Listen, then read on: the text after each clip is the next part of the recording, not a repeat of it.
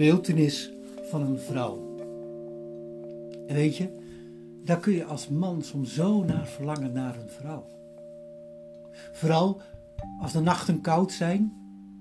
Vooral als je veel onderweg bent en je hebt gewoon één, geen eigen plaats in het leven, in de maatschappij. Maar dat je als reiziger de hele dag langs de weg moet zijn, van stad naar stad en dorp naar dorp. En als je dan ook nog een keertje aan het einde van de herfst, als de nachten echt koud worden en als de dagen echt nat worden. En als je daarvan ook nog verdwaald bent in een berg, in de bergen, dat je ook nog verdwaald bent in de sneeuwstorm, dan kun je zo ontzettend verlangen naar een vrouw. Maar soms heb je ook nog geluk. Een beetje dan. Weliswaar geen vrouw. Maar wel een hut. Die en die hutten zijn speciaal gebouwd voor reizigers die verdwaald raken of in een sneeuwstorm terecht raken. En deze man, deze vertegenwoordiger, griep naar de hut, pakte wat hout wat er al klaar lag, maakte er een prachtig vuurtje kwam en hij kwam heel langzaam bij het vuur, langzaam tot warmte en weer tot leven. En dit was een vertegenwoordiger in prachtige stoffen en prachtige vrouwenkleren. Even later ging opeens de deur open, kwam er een tweede man binnen. Ook koud, verkleumd en eenzaam en vol verlangen naar een vrouw. Hij had niet eens meer de energie en de warmte om goed naar de ander, zijn collega, te groeten. Hij ging gewoon naast hem zitten. Ze kenden elkaar niet, hij ging gewoon naast hem zitten. En toen hij langzaam weer tot leven kwam en tot verwarmd werd, ontdekte de eerste vertegenwoordiger dat deze collega vertegenwoordiger was in goud en edelstenen en sieraden. En ze begonnen al een klein beetje de bekende verhalen uit te wisselen die vertegenwoordigers langs de weg altijd hebben. En toen ging de deur weer open. Er kwam er een derde reiziger binnen. Deze zei ook weinig. Hij moet eerst tot warmte komen. Hij moest eerst weer opnieuw tot leven komen. Maar het was niet heel erg duidelijk of hij ook vertegenwoordiger was. Hij had nauwelijks tassen en koffers bij zich. Alleen maar een grote lange jas. En hij zei ook heel weinig. Na een tijdje was duidelijk dat hij zich begon eh, te vervelen door alle stoere verhalen van, van die twee andere reizigers. Hij stond op en ging gewoon een beetje in de hut rondkijken wat er allemaal was. In een hoek vond hij een groot stuk hout. Een heel groot stuk hout. En toen werd opeens duidelijk wat zijn beroep was. Hij deed zijn jas open. Hij haalde gereedschap tevoorschijn. Dit was een houtsnijder. En aan de ogen kon je zien dat hij geen blok hout voor zich zag. Van nee, hij zag voor zich de beeltenis van iets uit het hout bevrijd moet worden. Met de rug naar de, zijn twee medereizigers toe ging hij zitten en ging aan het werk. Heel deskundig. En je zag gewoon hoe stap voor stap de vage vormen van iets ontstonden uit het hout. Twee andere collega's waren een paar wel een beetje klaar met hun stoere verhalen en gingen kijken. Vol bewonderen zagen zij hoe de houtsnijder stap voor stap verder aan deze blokhout gestalte gaf. Hm. Ze probeerde te achterhalen wat het zou worden. De houtsnijder gaf geen sjoer. Ze probeerde een beetje, een beetje stoer te worden. Maar het zal wel een, mooie vrouw worden. Of, of het zal wel dit of het zal wel dat. Of een mooi prachtig paard. We maken het uit. Geen reactie. En na een tijdje, ach, gingen maar weer terug naar het vuur, waar het toch een stukje warmer waren en waar meer tijd was voor de mooie, stoere verhalen.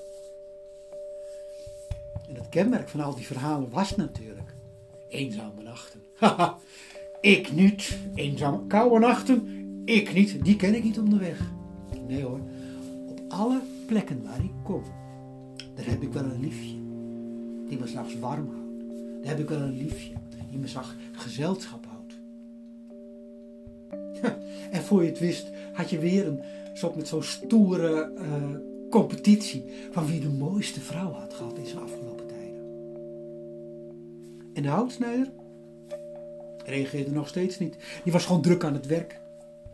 Hij werd er zelfs door toen de twee andere mannen van pure uitputting zichzelf in een deken of een jassen rolde dicht bij het vuur en in slaap vielen. Hij werkte door. En je zag hoe stap voor stap uit het, uit het hout een vrouwengestalte werd bevrijd. Je zag het haar ontstaan en, en het hoofd met de ogen, de neus, de mond, de fijne oren en daarna de schouders, de, armen, de handen, de torso, de benen. En toen de beide andere reizigers morgens wat stijf, maar wel redelijk verfrist wakker werden, zagen ze twee dingen. Vlak naast hem, met zijn, met zijn rug tegen hun tassen geleund, lag de houtsnijder te slapen.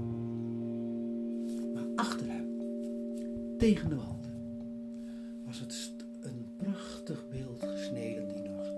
De beeld van een vrouw zoals die nog nooit hadden gezien. Zo Wauw. Weet je, weet je, zei die, uh, de, zei de stoffenhandelaar. Zo'n mooie vrouw. Och, die, die, die, die moet je nog veel mooier maken. En weet je, wat een vrouw werkelijk tot mooi maakt, tot schoonheid brengt, is, is gewoon de kleren. Zoals ik die verkoop. En ik koop alleen maar aan rijke vrouwen. En ik zie elke keer weer hoe mooi ze worden. Ja, als ik de kans zou krijgen en deze vrouw zou van mij zijn, ik zou er zo mooi aankleden. Hm, zei de juwelen en sieradenhandelaar. Dat zou een aardig begin zijn. Daar ben ik met je eens. Maar een vrouw wordt pas werkelijk mooi. Als je er een prachtig dianeem om het voorhoofd geeft. Of een halssieveraad. Dat elke vorm van kin en hals doet uitkomen. Of je geeft er armbanden die rinkelen. Of je geeft er ringen met, met robijnen en parelen die schitteren. Dan pas kun je zeggen, deze vrouw is mooi. De houtsnijder reageerde niet, want hij sliep. De beide reizigers gingen elkaar nog steeds meer met opmerkingen maken over, over deze, deze prachtige vrouw. Sterker nog, de stoffenhandelaar ging haar ook daadwerkelijk wikkelen in de prachtigste kledingen. En de juwelen en sieradenhandelaar ging haar ook behangen met de mooiste dingen. Diademen, sieraden en vol met parelen en juwelen en diamanten. En terwijl ze van het vuur uit volgens naar deze vrouw keken, zag je dat werkelijk, dat dit nou de droom was die ze allebei hadden. Zo'n vrouw, die zou toch, die zouden ze willen hebben om de nachten te verwarmen en de eenzaamheid te verdrijven en hun leven zinvol te maken. Weet je, zei de stoffenhandelaar, als deze, als deze vrouw levend was, zou ze van mij zijn. Want weet je, een vrouw van zichzelf, oké, die kan mooi zijn.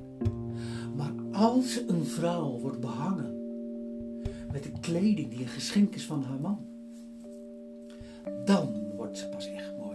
Dan zie je pas de waarde van een vrouw. Nou, zei de. Zoals ik straks al zei, dat is het begin. Maar de werkelijke waarde van een vrouw wordt uitgedrukt in de juwelen die haar omhangt. En de sieraden die haar geeft. Zodat als het over de markt loopt of door de stad loopt en iedereen ziet het. Ah, kijk eens. Dat is een geweldige vrouw. Dat is een vrouw wier man zo goed voor haar zorgt. En de stemmen van de beide mannen werden steeds luider. En uiteraard de houtsnijder werd wakker luister een halve minuut even wat die twee aan het, over aan het bek vechten waren. Zei dan, hé, hey, stop eens even. van weet je van wie deze vrouw is? Deze vrouw is van mij. Want een echte vrouw is alleen maar van diegene die haar heeft gemaakt. En wie heeft haar gemaakt? Ik. Toen barstte uiteraard opnieuw het gekrak heel los. Maar nu tegen alle drie mannen, die elk van deze drie mannen claimden dat deze vrouw, levend of van oud, dat maakt alleen al lang niet meer uit, van hen persoonlijk was. En ze schrokken pas weer op toen een grote windvlaag de deur van de hut openwaaide en een ijzige wind naar binnen kwam. En elke woord in een keel deed stokken. Ze keken op en ze konden nog net zien hoe deze vrouw van hout de sieraden aflegde, de kleden afgooide en heel rustig en onbekommerd naar buiten liep. Ademloos keken de mannen toe hoe deze vrouw van hen wegliep. Naar een boom ontarmde en versmolt. Want weet u, ook al is het een heel oud verhaal, er wordt nog steeds herhaald.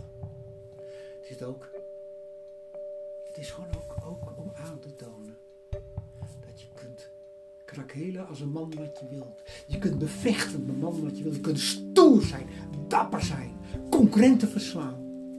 Maar wat je nooit zal lukken, is een vrouw bezitten. Want van wie is de vrouw? Is niets en niemand anders dan van haarzelf. En zij